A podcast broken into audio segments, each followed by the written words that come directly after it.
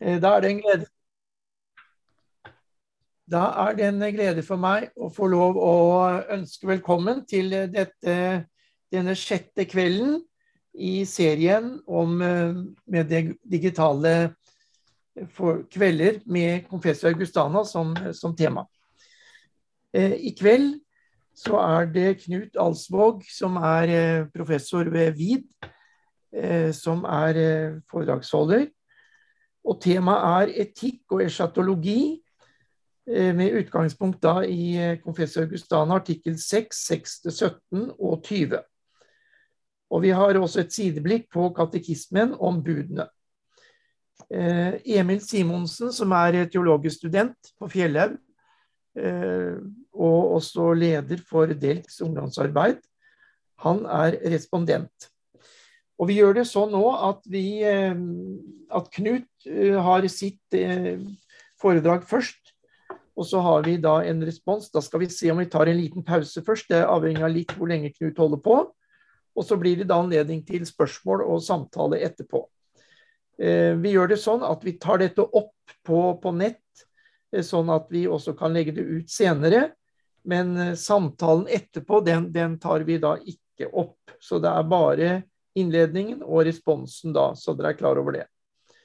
Eh, det er fint om dere muter eh, på, på maskinene deres, sånn at ikke vi blir forstyrret av unødvendig lyd under, eh, under kvelden. Og ja, det er vel for så vidt det vi trenger å, å vite om før vi starter. Vi skal be også en bønn før vi gir Knut ordet. Vi takker deg, Herre, for en ny anledning til å, å høre og lære. Vi ber for denne kvelden at du må velsigne den for oss. Um, at du må gi oss uh, visdom, kunnskap, både for tro og for tanke og for liv. Vi takker deg for uh, fastetiden og for at vi får lov å følge deg disse dagene på din vei til din lidelse og død og oppstandelse. Takk, Herre, for frelsesverket. Takk for fullkommenheten som du har gitt oss i Jesus Kristus. Vi ber om velsignelse over de som skal eh, delta, og for alle oss som skal lytte. I Jesu navn. Amen. Da gir vi deg ordet, Knut, og du kan eh, holde på så lenge du vil. Vær så god. Eh, ja, takk for det. Da begynner jeg med å dele skjerm med dere. Da regner jeg med at dere ser min skjerm nå, der det står eh, eh etikk og eschatologi. Eh, en, en, praktisk ting, eh, siden det er eh, jeg som, som, tar opp, så betyr det at det er jeg også som må slippe inn folk hvis det skulle komme noe i venterommet mens vi holder på.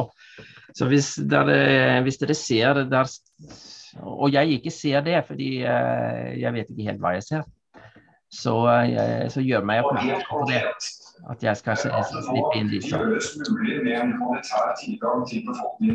Nå er det en eh, Joakim, din mikrofon står på. Står på? Ja. Kanskje din lyd vi hører i bakgrunnen.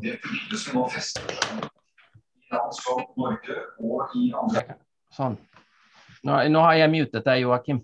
Jeg har um, siden Nei, nå Er det borte nå?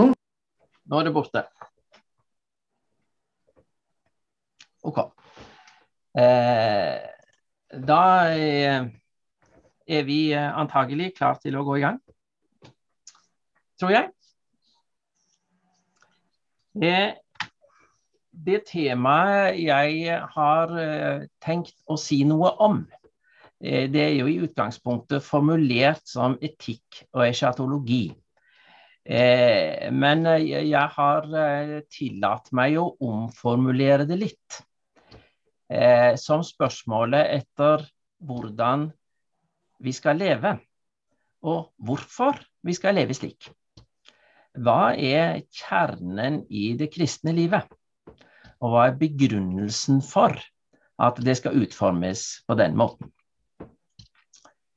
Og siden det er Confessio Augustana og katekismen som er utgangspunktet for, eh, for denne foredragsserien, så syns jeg Confessio Augustanas artikkel 6 som eh, har eh, overskriften om den nye lydighet, det kan være et godt sted å begynne. Nå er riktignok ikke eh, overskriften i Confessio Augustana er en del av den opprinnelige teksten, men de er nå likevel stort sett gode sammenfatninger av hva dette handler om. Så vi begynner i Confessio Augustana artikkel 6, og der står det slik. Likeens lærer de at denne tro, altså den rettferdiggjørende tro som er omtalt i de to artiklene like foran, denne tro bør bære gode frukter, og at den må gjøre gode gjerninger som er pålagt av Gud, fordi Gud vil det.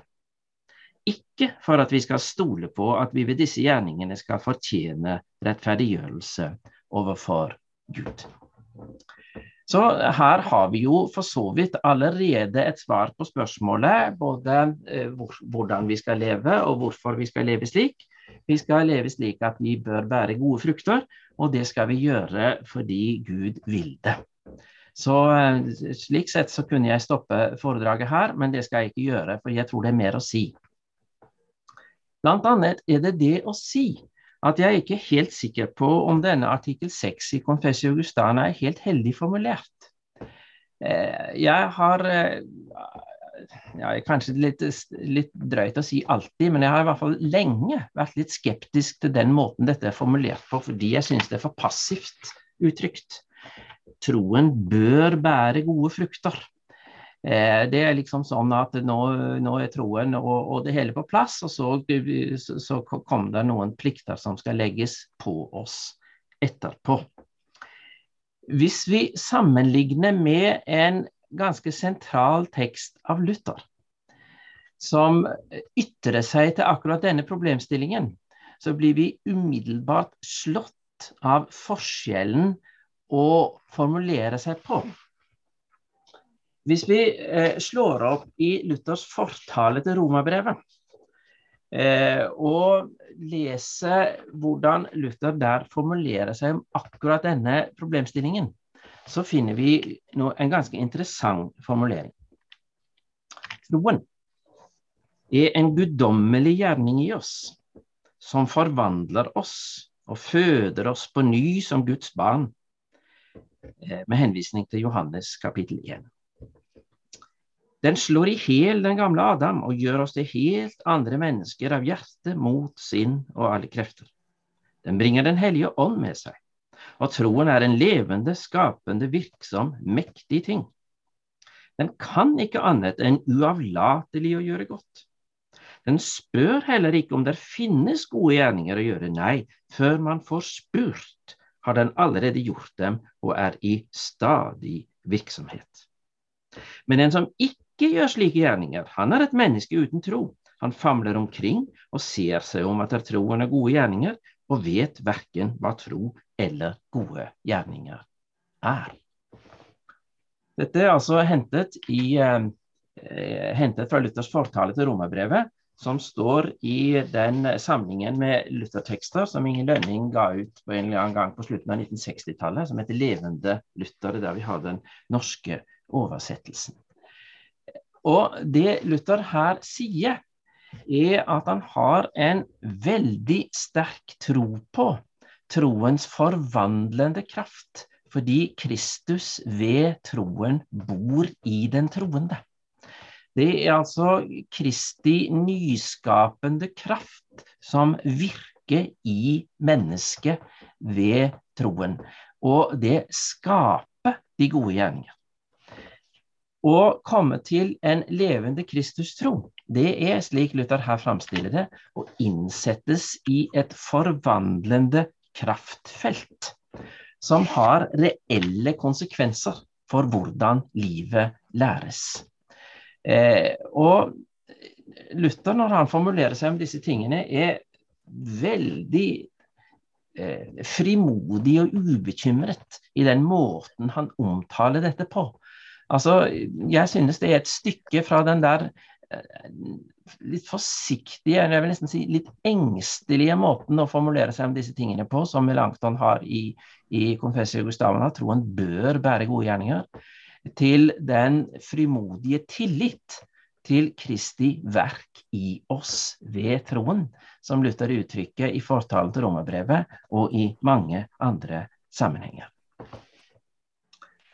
Nå er jo eh, den gode Martin og den gode Philip de er jo helt enige om at her må vi skille mellom hva som er fundament og hva som er konsekvensene. For etterfølgelsen og de gode gjerningene er ikke gudsforholdets fundament. Benådningen er ubetinget og ikke en belønning for at troens frukter realiseres i mennesket. Men det er likevel en nødvendig konsekvens. En har aldri det ene uten det andre. Troen forblir ikke uten frukt. Og skulle det skje, så er det ikke tro vi har å gjøre med. Derfor kan Melanchthon føye til en ytterligere forklaring på dette i artikkel 20 i Confessia Augustana, der han tar opp at det problemet at våre motstandere har hevdet at vi ikke har noe å si om de gode gjerningene, og han kan med all mulig rett si at det er fullstendig feil. Etterfølgelsen av de gode gjerningene er definitivt ikke noe som ligger utenfor horisonten i den lutherske forkynnelse og evangelieoppfatning. Det er tvert imot plassert helt sentralt men det er ikke plassert som en del av frelsesgrunnlaget, men som dette fundamentets nødvendige konsekvens. En tekst av Luther der han med forbilledlig klarhet redegjør for dette forholdet, er det skriftet som vi gjerne kaller for Antilatomus. Eh, altså et skrift eh, mot den romersk-katolske eh, forfatter Latomus som, eh, som forfattet et skrift mot Luther. Eh, eh, som han fikk i hende mens han satt på Wartburg, altså sommeren høsten 1521. Eh, og der, da skrev Luther et, et motskrift som vi, vi, da Det har en lang og komplisert tittel, men vi omtaler det gjerne for kortets skyld, bare for Antilatomus. Eh, temaet for, for, dette skriftet er synsforståelsen. Men jeg, de er nå innom litt forskjellige temaer. Og, eh, og, Luther får en anledning i dette skriftet til å redegjøre for forholdet mellom troens fundament og troens konsekvenser, på en måte som er blitt et, eh, et, et sånn kjernetekst, et orienteringspunkt i, i senere Luther, luthersk tenkning om disse tingene. Han snakker om Kristus som nåde og gave. Når han snakker om Kristus som nåde, så tenker Luther på, på rettferdiggjørelsen i kraft av Kristi fremmede rettferdighet. Altså det som vi gjerne kaller for den forensiske rettferdighet, altså det at vi frikjennes i kraft av Kristi soningsverk. Det som vi gjerne også kan omtale som den ubetingede benådningen. At vi står for Guds øyne syndfri og benådet i kraft av det Kristus har gjort, og ikke i kraft av noe annet. Men Kristus er aldri til stede i oss bare som nåde. Han kommer også som gave. Det betyr at han ved troen bor i våre hjerter og skaper etterfølgelsen. Og disse tingene henger nødvendig sammen. Eh, men det må likevel skjelnes mellom de. En må ikke gjøre gaven til grunnlaget. Eh, for da, for, da, havner vi i, eh, i en forståelse av rettferdiggjørelsen der, eh, der rettferdiggjørelsen blir, en, en, frukt av de gode gjerninger. Og Luther vil definitivt ikke dit. Men han vil fastholde med styrke og, og ensidighet av Kristus i troens fundament, men dette har erfarbare konsekvenser i livet. Forvandlingens kilde. Er derfor å leve i boten. Eh, en eh, Det er eh, altså, å, å, leve i boten der en kommer til Kristus med sin utilstrekkelighet, og så får eh, tilgivelsen og forvandlingens kraft. Det er der kristenlivets kjerne er, og det er der eh, etterfølgelsen og åndens frukter fødes. Det har den konsekvens at troens frukter i oss ikke er noe som vi nødvendigvis ser eller opplever. Vi trenger ikke oppleve forvandlingen, men vi tror på den. Fordi det at Kristus skaper de gode gjerninger, skaper etterfølgelse i et troende menneske, det, det følger av evangeliets løfte og om Kristi fornyende kraft eh, hos, den som, eh, hos, den som ved tro og dåp er forenet med Kristus. Kristus kan ikke være uten frukt. Og det kan vi tro på, fordi Gud i sine løfter har gitt oss sitt ord på at det er slik. Og da får vi tro at det er slik, selv om vi ikke alltid opplever så mye av forvandlingens kraft i våre liv. Det kan tvert imot være greit å kanskje ikke oppleve så mye av det, for da slipper vi hov hovmodets fristelse. Eh, men vi trenger likevel ikke være i tvil om at dette er en realitet som er beskrevet i Guds ord. Derfor er det den meditative omgang med Bibelen, eh, der vi eh, forsøker i bønnens og ettertankens lys og trenge inn i Guds ord. Det er det som er kilden til et liv i etterfølgelse. Dette er et liv som i en viss forstand befinner seg bortenfor loven. Fordi lovens beskrivelse av det gode liv, det er en Hva skal vi si?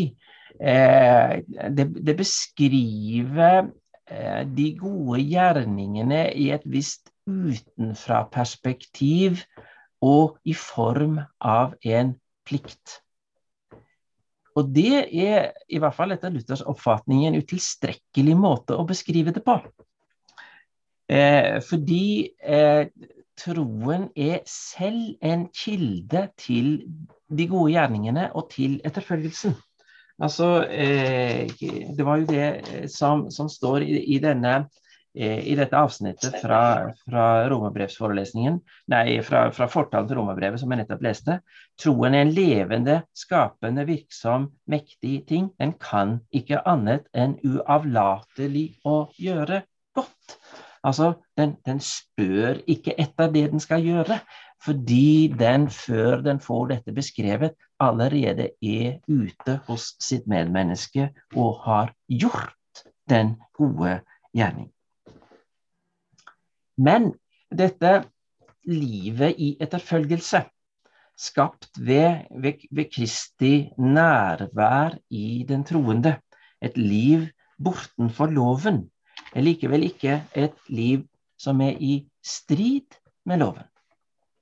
Derfor kan, kan, den nytestamentlige lovfortolkning, slik som vi har den i evangeliene og i Eh, de øvrige skriftene i Det nye testamentet, den, den fungerer slik, som en slags sikkerhetsnett. Eh, en, en slags eh, sikring. Eh, altså, hvis vi blir inspirert til å gjøre noe som definitivt er i strid med den nytestamentlige lovutleggelse, eh, så kan vi være ganske sikre på at det ikke er eh, Kristus som bor ved troen i hjertet, som er kilde til det vi har lyst til å gjøre. Så, så loven kan brukes som, som, som syndespeil, den kan brukes som, som sikkerhetsnett. Eh, men den kan for den troende ikke være den definitive kilde til forståelsen av hva etterfølgelsen er. For da blir livet i etterfølgelse for passivt og defensivt. Troen er en kreativ kraft som ligger bortenfor det som kan oppnås ved en lovisk beskrivelse av det gode.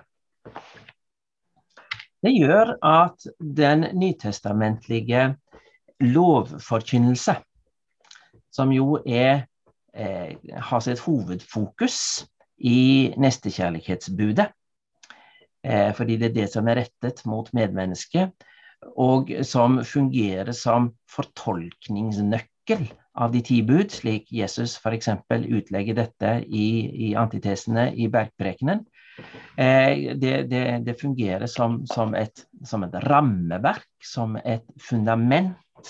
Men, men, men, kilden og inspirasjonen ligger likevel bortenfor eh, dette, fordi at en alltid vil være grepet av Kristi forvandlende kraft.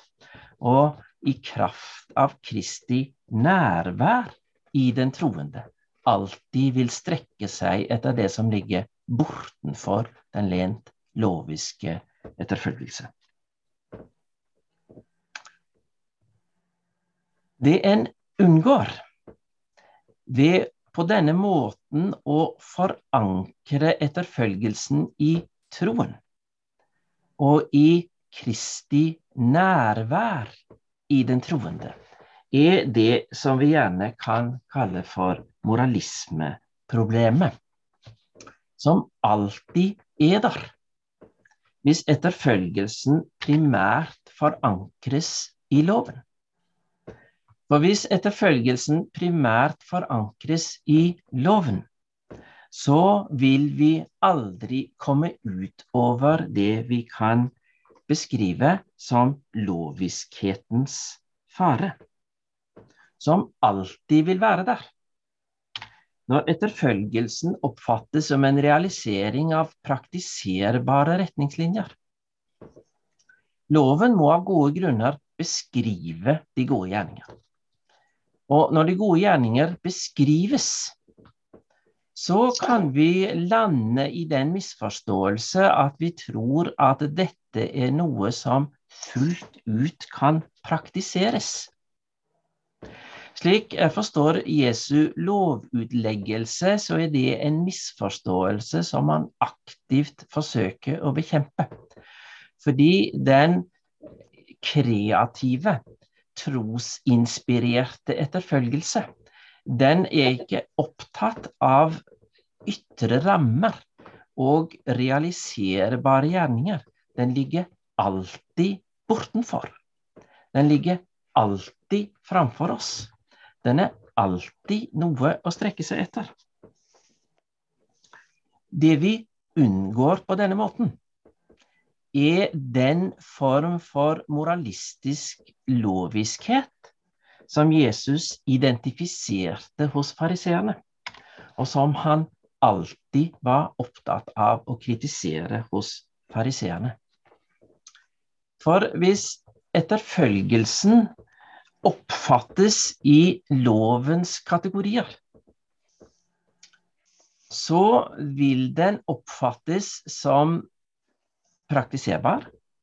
Og da vil den nødvendigvis dra med seg et skille mellom dem som får dette til, og dem som ikke får det til.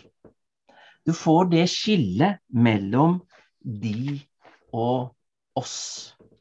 Og et skille da altså som lett fører til den misforståelse at, at, vi hører til de som har skjønt dette, og som får det til.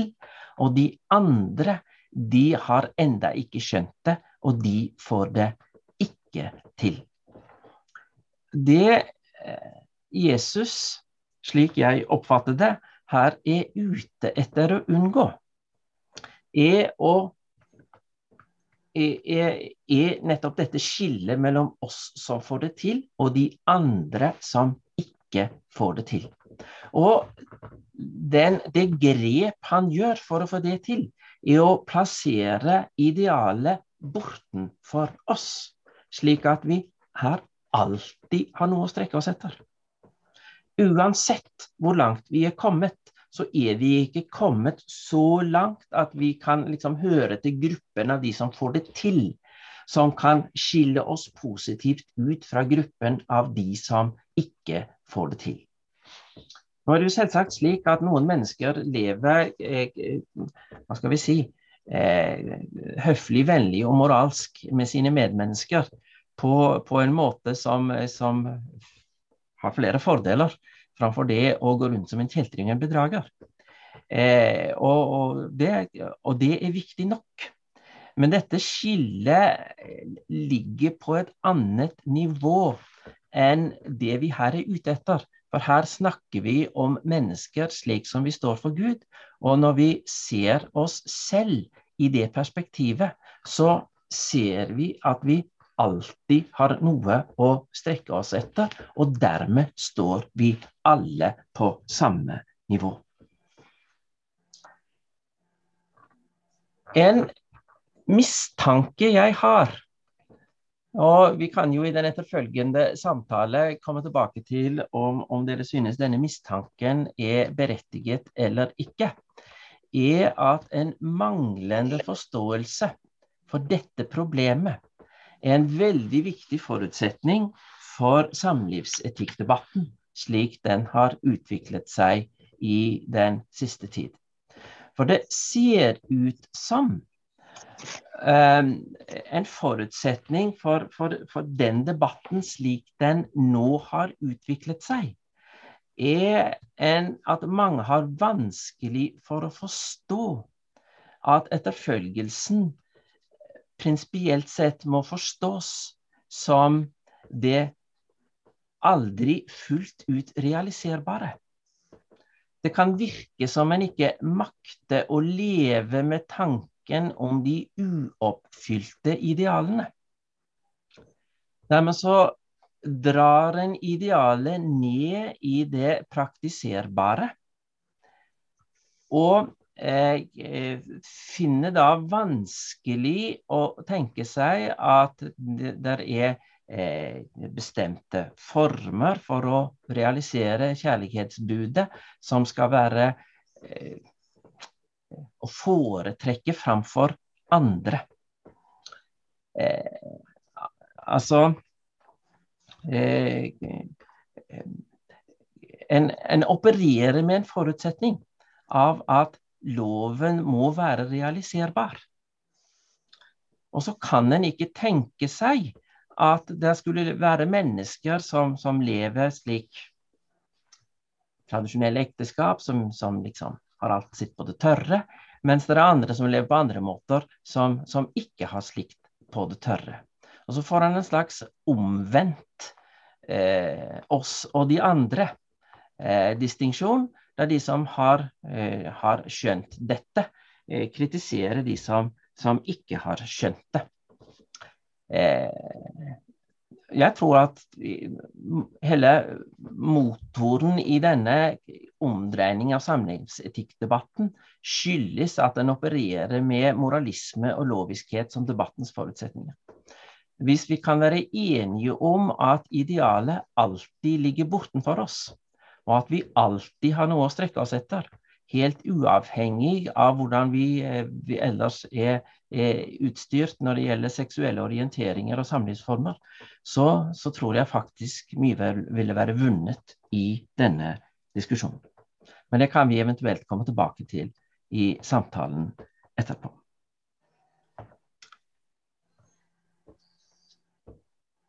Hvis vi så skal gå videre fra dette liksom, prinsipielle og grunnleggende, og se på hvordan de gode gjerninger i praksis manifesteres, kan nesten si inkarneres, i troslivet. Så syns jeg, hvis vi fremdeles med, med, med referanse til, eh, til Augustana og, og katekismen, eh, skal se på det som vi gjerne kaller, kan kalle for de tre ordningene. eh, ofte omtalt som trestenderlæren, men jeg syns de tre ordningene er en, en mer moderne og eh, språkbruk som klarer å fortelle oss hva vi her er ute etter. De tre ordningene Eh, om vi legger klassisk eh, bibelfundert luthersk tenkning til grunn for det, så har vi her å gjøre for det første med Kirken, som er etterfølgelsens kilde. Det er der troen, og dermed også troens kreative kraft i oss, næres. Eh, så er det familien og staten, de to andre ordningene som er etterfølgelsens arena. Eh, men de to er ikke likeverdige på teologiske premisser. Fordi familien, eller det som vi med greskinspirert gresk-inspirert terminologi kan kalle for oikonomia Oikos betyr altså hus, og oikonomia husholdning det som har med eh, familie og eh, familieliv i utvidet forstand å gjøre, det etableres før syndefallet. Og er ikke avhengig av synden for å realiseres. Altså eh, rammen rundt økonomia er nestekjærlighetsbudets realisering i livet. Altså det er i de nære relasjoner. Eh, foreldre, ektefelle, relasjonene og de hva skal vi si, videreførende og, øh, øh, relasjoner vi settes inn i, som tar vare på dette. Eh, som, hvor nestekjærlighetsbudet skal realiseres. Og det har et positivt sikte. Det, det, skal realisere, det her vi skal realisere Guds gode vilje med livet. Dette til, til forskjell fra det politiske, politeia, staten, som er opprettet etter syndefallet med den målsetting at det skal begrense det onde. Det er viktig å fastholde det skillet.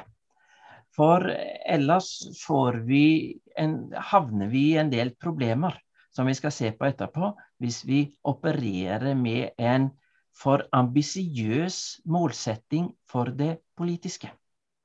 Det er viktig å skille mellom, eh, mellom eh, etterfølgelse som realisering av det gode som nestekjærlighetsbudets realisering og den negative konsekvens av etterfølgelsen som, eh, som har å gjøre med begrensningen av det onde.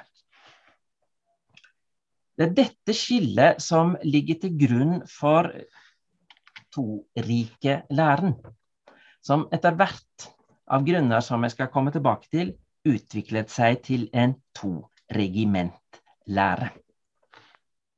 To-rike-læren går tilbake til Augustin og hans lære om de to byene eller de to statene, de to rikene. Eh, civitas Dei og Civitas Terrena. Som han oppfatter som kjærlighetens rike og egoismens rike. Kjærlighetens rike, det er etterfølgelsen der skal de troende befinne seg, mens de vantro de befinner seg i egoismens rike, sier Augustin. Eh, med dette som utgangspunkt så hefter det noe skittent ved verden. Noe problematisk ved verden. Fordi det gode vil aldri fullt ut kunne realiseres der. Og derfor bør de troende de som fullt ut skal realisere det gode livet, de bør trekke seg tilbake fra verden og realisere det gode i en form for eh, lukket kristelig eksistens. det er denne måte å, å skille mellom kjærlighetens og egoismens rike som via Augustin i veldig stor grad kommer til å bestemme eh, munkefromheten og munkeidealet i middelalderen.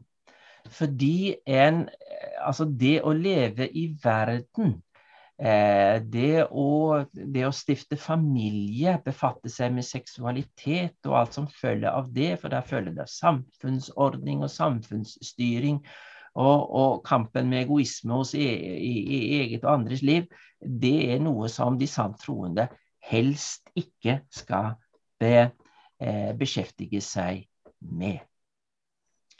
Og i sin tidlige fase så var Luther, som den gode augustinermunk, Augustin-disippel han var, veldig tydelig preget av denne måten å tenke på.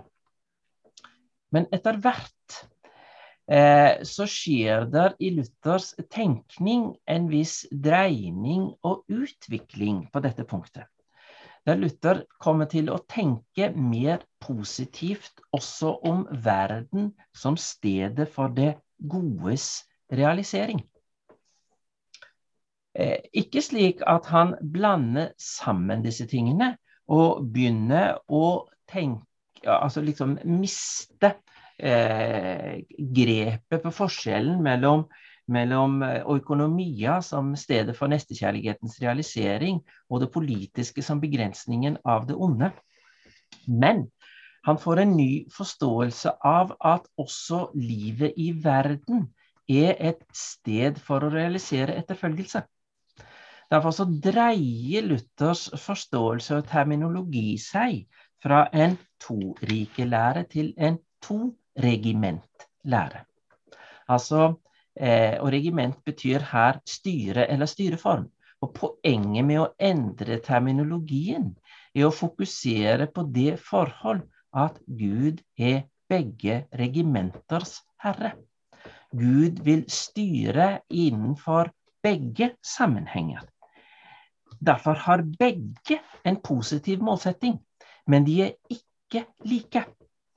Eh, eh, og det skillet er det viktig å fastholde.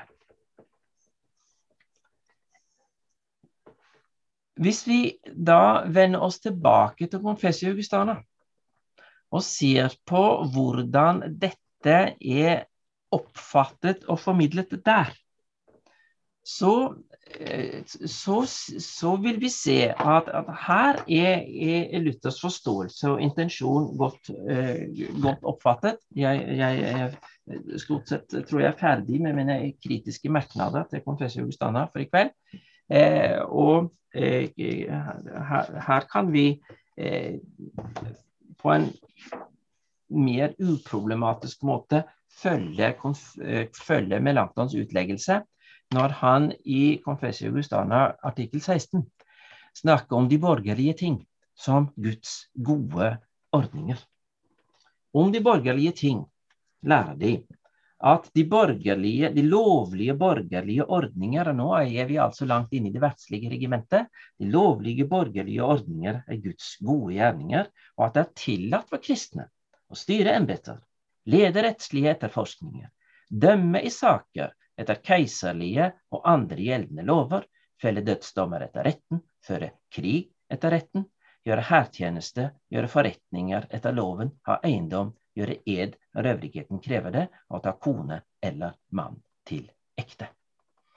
Også her befinner en seg, uansett om en gjør det ene eller det andre her, så befinner en seg innen et en del av Guds verdensstyre.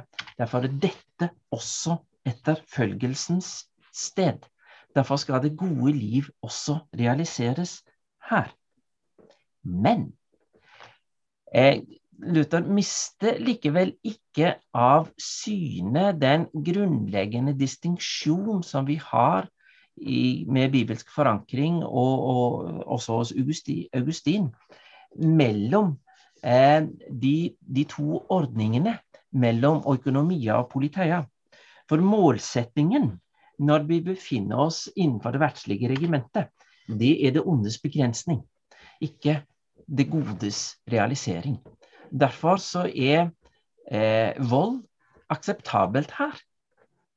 Så sant det ligger etisk kvalifiserte grunner eh, bak bruken av det. Derfor står det også her uttrykkelig at det å føre krig etter retten og gjøre hærtjeneste er innenfor det som kristne kan gjøre, fordi målsettingen her er å begrense det onde. Her ligger selvfølgelig klassisk forståelse av, av, eh, av kriteriene for, eh, for, den, for den rettferdige krig til del.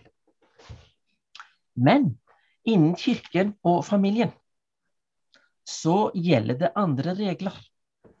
For der, er, der, er, eh, der er, har det gode sin forankring, og der skal det ideelt sett leves ut innenfor de rammen som vi har før syndefallet. Altså eh, de, den ramme som tegnes for oss i første Mosebok, kapittel to. Hvis dette skillet ikke aksepteres, altså hvis det politiske ser seg selv kallet til å realisere det gode, og ikke primært til å begrense det onde, så beveger politikken seg i retning av det utopiske, og da blir den totalitær. Derfor så er, så er Luther i sin, sin undervisning om disse tingene tydelig på at kirken skal, altså kirken skal ikke styre det politiske. Eh, det, det, får vi overlate til politikerne. Men kirken har et tydelig mandat i det politiske. Og det er å advare politikere hvis de har for høye ambisjoner for sin egen gjerning. Deres gjerning har tross alt noe negativt, noe avgrensende ved seg. De skal begrense det ondes plass i verden. Derfor har de lov å bruke sverdet, som Paulus sier i Romabrevet kapittel 13.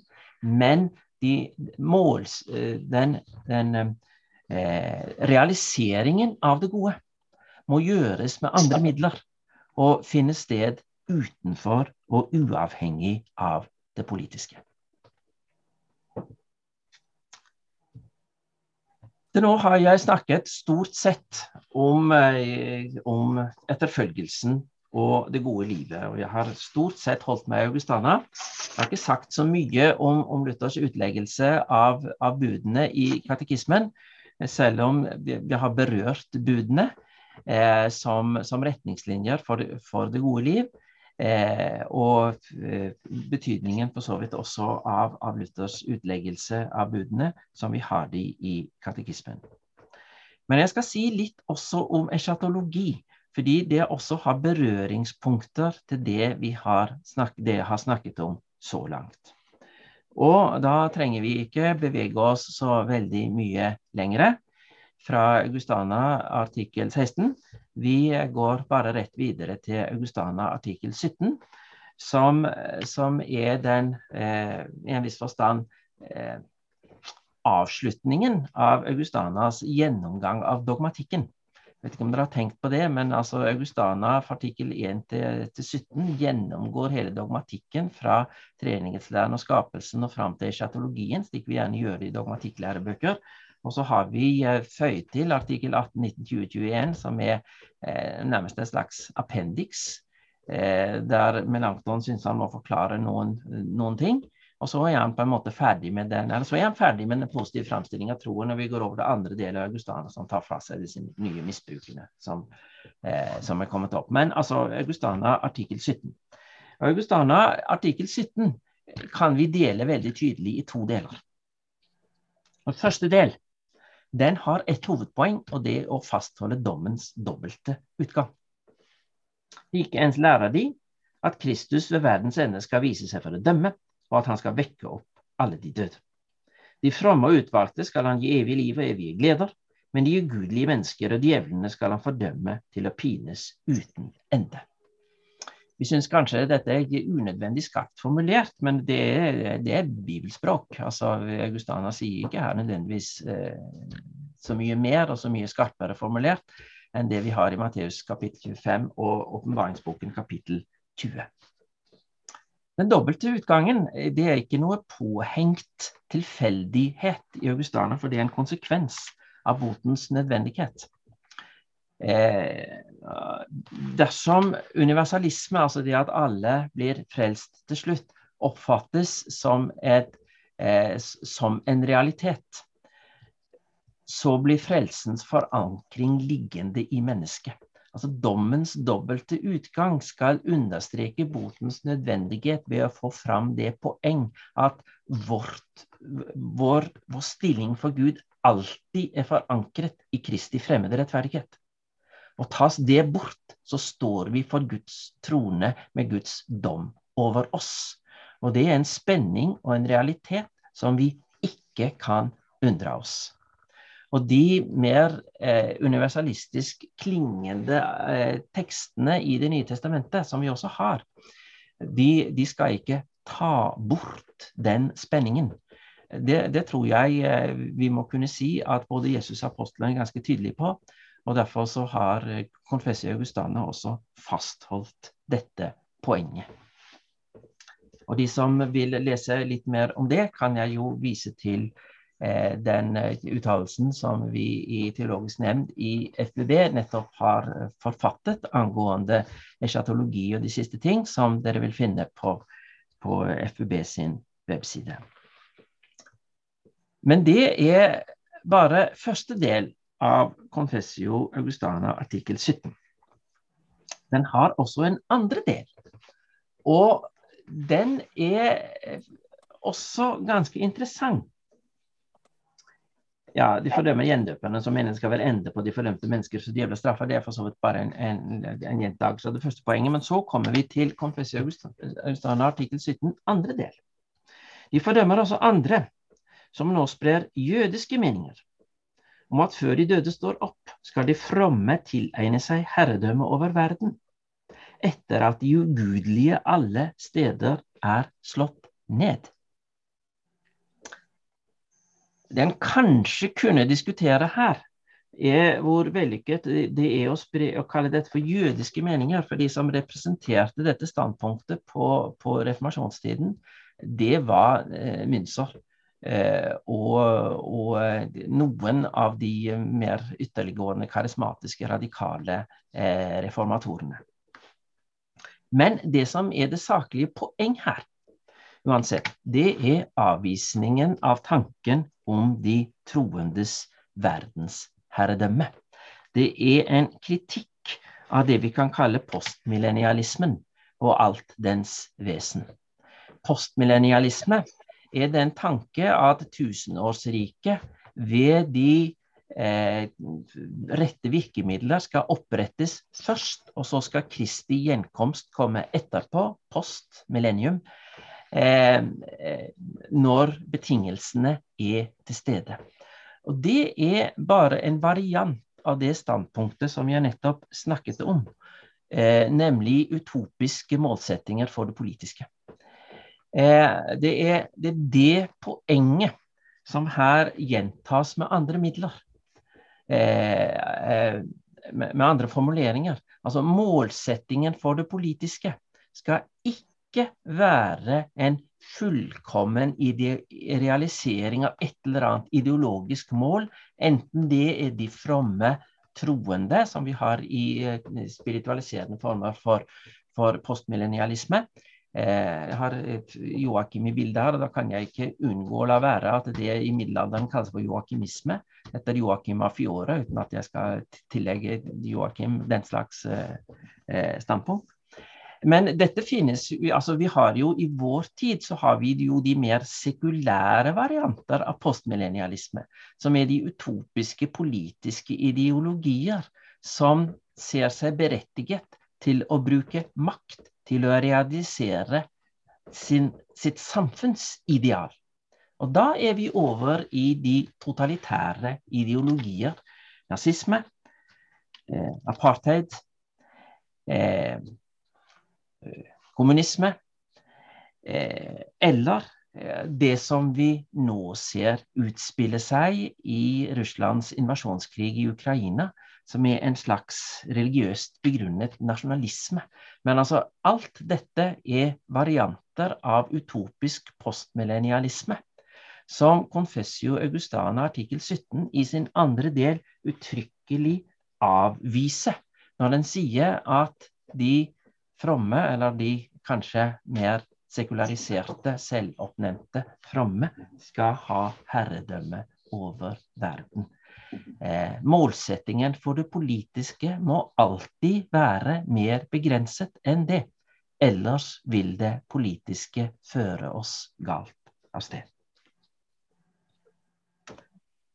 Nå har jeg snakket lenge, så da skal jeg gå mot avslutning, men bare oppsummerende, eh, eh, en oppsummerende slide til slutt. Verden og våre mennesker, det er Guds gave og stedet for Guds nærvær og skal behandles deretter.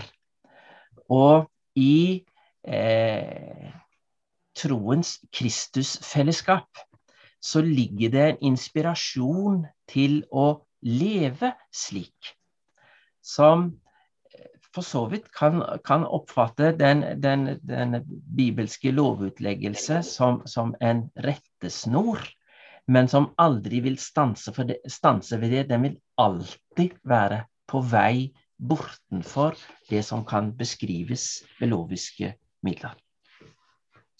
Livets målsetting er å realisere det gode og bekjempe det onde. Og vi kommer aldri ut av den spenningen.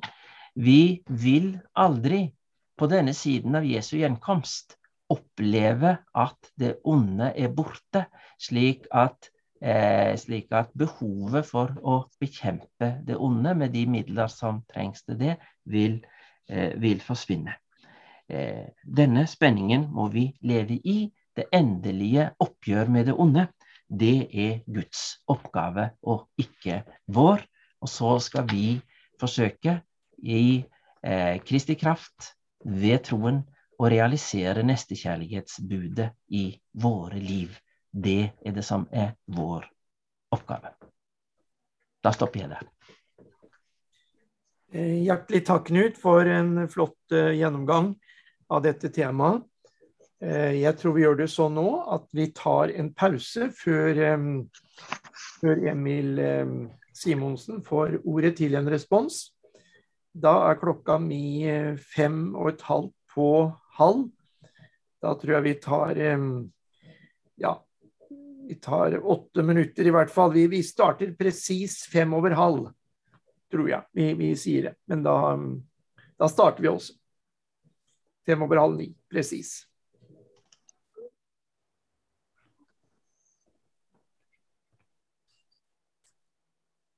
Da er vi eh, i gang igjen, hvis folk er tilbake. Klokka er i hvert fall fem over halv ni.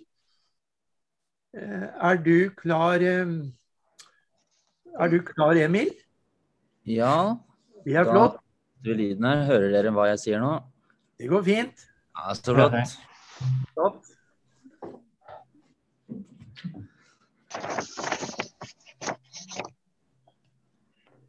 Bare, bare ta ordet, du.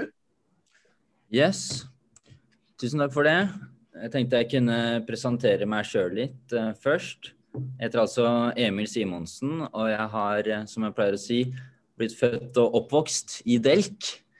Um, og er nå teologistudent og har ambisjoner, um, hvis det er å bruke det ordet, om å bli prest i Delk.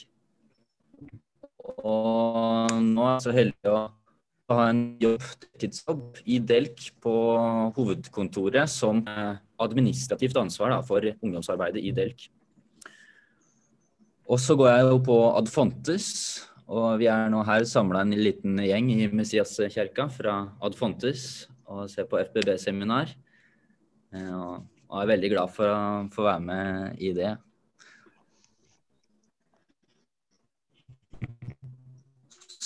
Så da vil jeg eh, takke deg for, for et eh, flott og spennende foredrag om eh, etikk. Personlig så syns jeg kanskje det var en litt annerledes sammensetning enn jeg er vant til å høre. Jeg er vant til å høre om dom og eschatologi i sammenheng. Men etikk er jo faktisk ikke så langt unna dom når vi tenker over det. Så det var rett og slett ingen dum kombinasjon, det. Um, og det var mye spennende uh, du kom med. Og jeg har tenkt ut uh, tre spørsmål, hovedsakelig.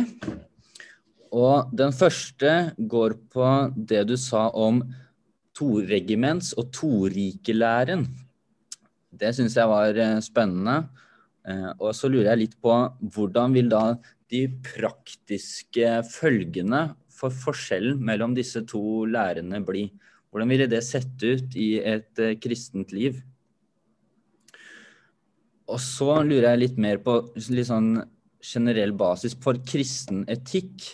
Uh, hvor stor plass har det egentlig i samfunnet? Og er den kristne etikken allmenn? Gjelder den for alle mennesker? Eller den mer, er det mer kommunitarisk og gjelder mer den kristne? Um, og det siste spørsmålet mitt eh, vil da jeg vet ikke, kanskje bli hakket mer spekulativt, men da lurer jeg på eh, Siden vi snakker om eh, eschatologi og dom også, uh, hvordan påvirker da den enkeltes menneskes gjerninger den dommen den får?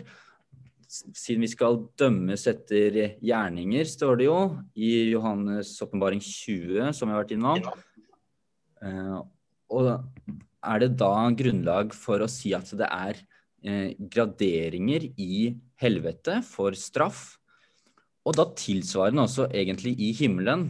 Det står jo om at den rettferdige skal få lønn og ikke miste sin lønn osv. Og, og martyrene som skal regjere med Kristus i tusenårsriket, er det graderinger av eh, ære, hva man skal kalle det, i himmelen også? Da blir det mine tre spørsmål som respons til i dag.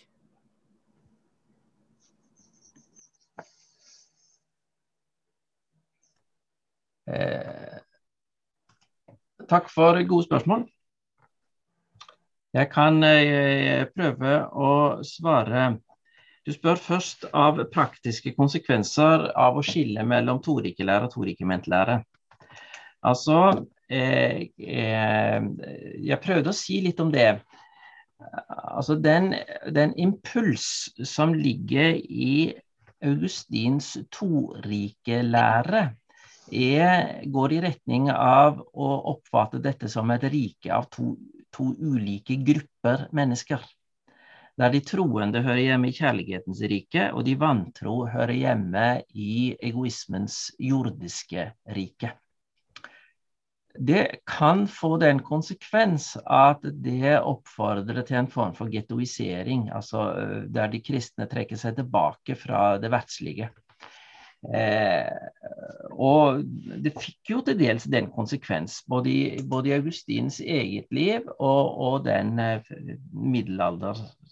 den spiritualitet i middelalderen som han, som han eh, inspirerte. Eh, Luther kom etter hvert ut fra sin eh, rettferdiggjørelses- og etterfølgelsesforståelse til å se på det som problematisk. Eh, og har, tror jeg, gode bibelske grunner til det. Eh, fordi eh, eh, verden er nå engang Guds sted. Og vi er kalt til et liv der vi positivt skal forsøke å realisere Guds vilje i verden. Og da er det ikke noe, eh, verken av det positive eller det negative, som, som vi bør trekke oss unna. Og det, jo, det er jo det som ligger i, i Augustana artikkel 16. Altså det politiske, inkludert eh, det, det, militære, eh, er noe som, som ikke ligger utenfor. Eh, og, og, der vi samtidig som vi er på vakt mot det utopiske og postmillennialistiske, skal forsøke positivt å realisere eh, eh, Guds vilje for livet i den sammenhengen.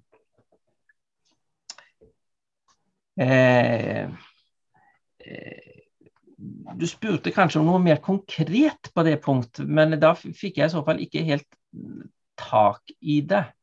Altså, eh, Den konkrete konsekvens er jo at eh, en med bakgrunn i, i Confessio Augustana artikkel 16 kan si at alle yrkesvalg står åpne for kristne, så sant det ikke er yrker som nødvendigvis medfører eh, vanskelige etiske kompromisser.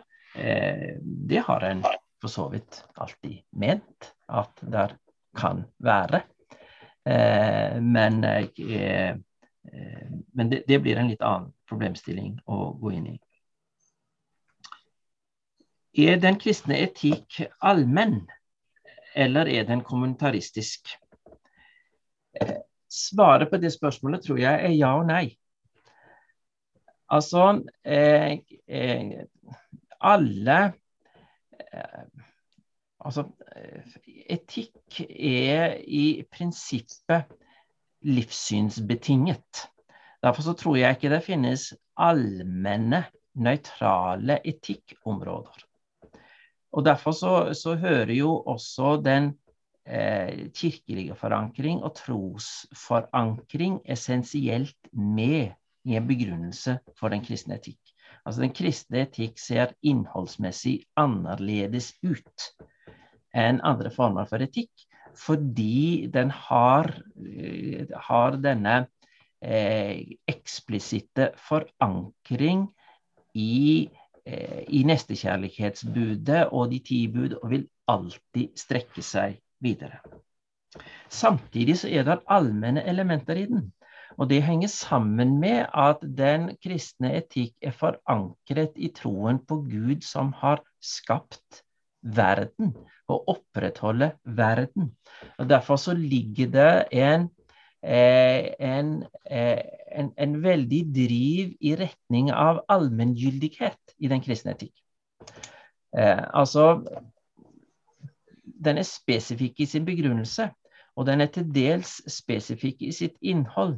Men samtidig så vil den realisere verdier som eh, av, av, den kristne tros egne iboende grunner må oppfattes som universelt gyldige.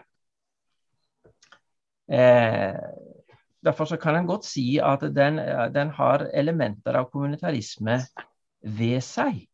Men den vil samtidig samtidig eh, strebe mot allmenngyldighet.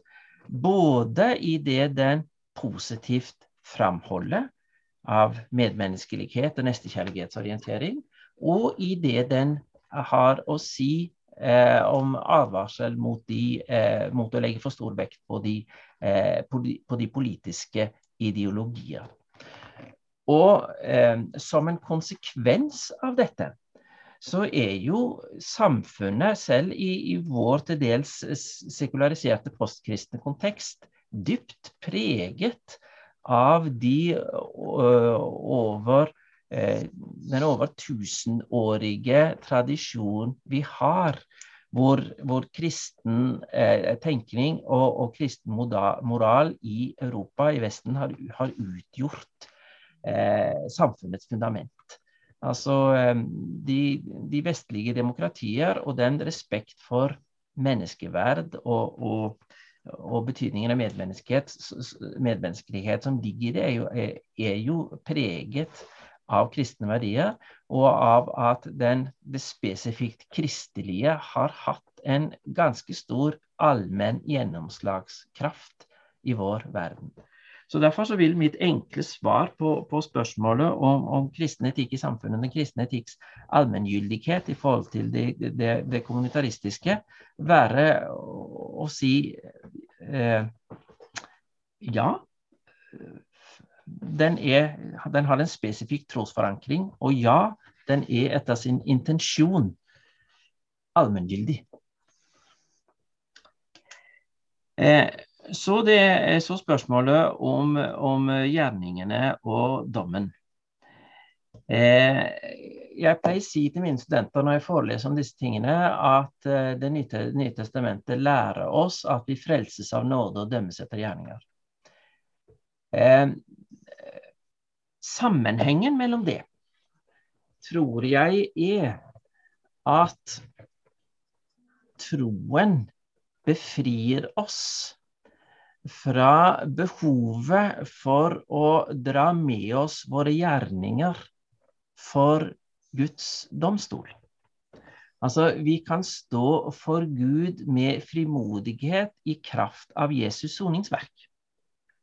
Dermed frigjøres vi til å bruke livet i tjeneste for vår neste. Og jeg synes Jesu fortelling om dommen i Matteus kapittel 25 eh, reflekterer eh, en sånn oppfatning. De som hadde gjort de gode gjerninger, var for det første helt overrasket over at de, disse gjerningene skulle bli trukket fram i den sammenhengen, for de hadde jo overhodet ikke tenkt på det. De var jo bare opptatt av å tjene sitt medmenneske.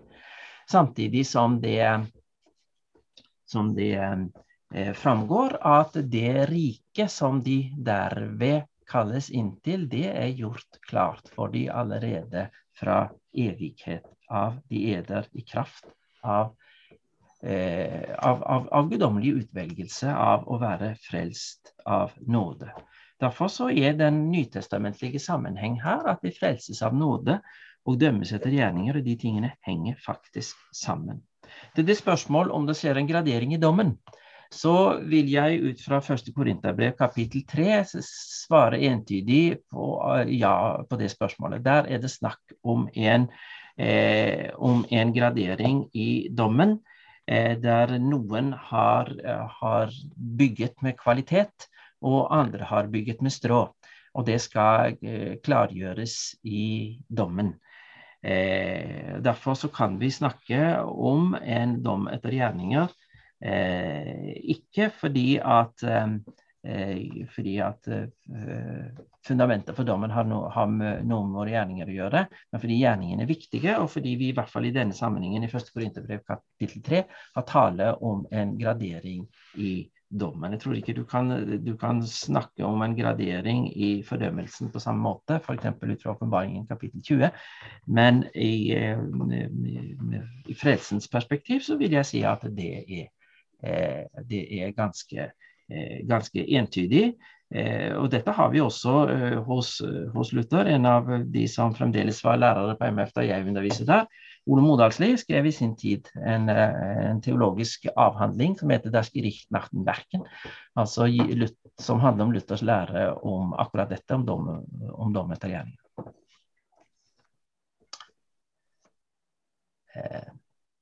Har, jeg vet ikke om du, eh, Emil, har noe oppfølgingsspørsmål, eller eh, skal vi gi ordet fritt og stoppe opptaket nå, Bojo? Det kan vi gjøre, tenker jeg. Ja, Da stopper vi opptaket, og så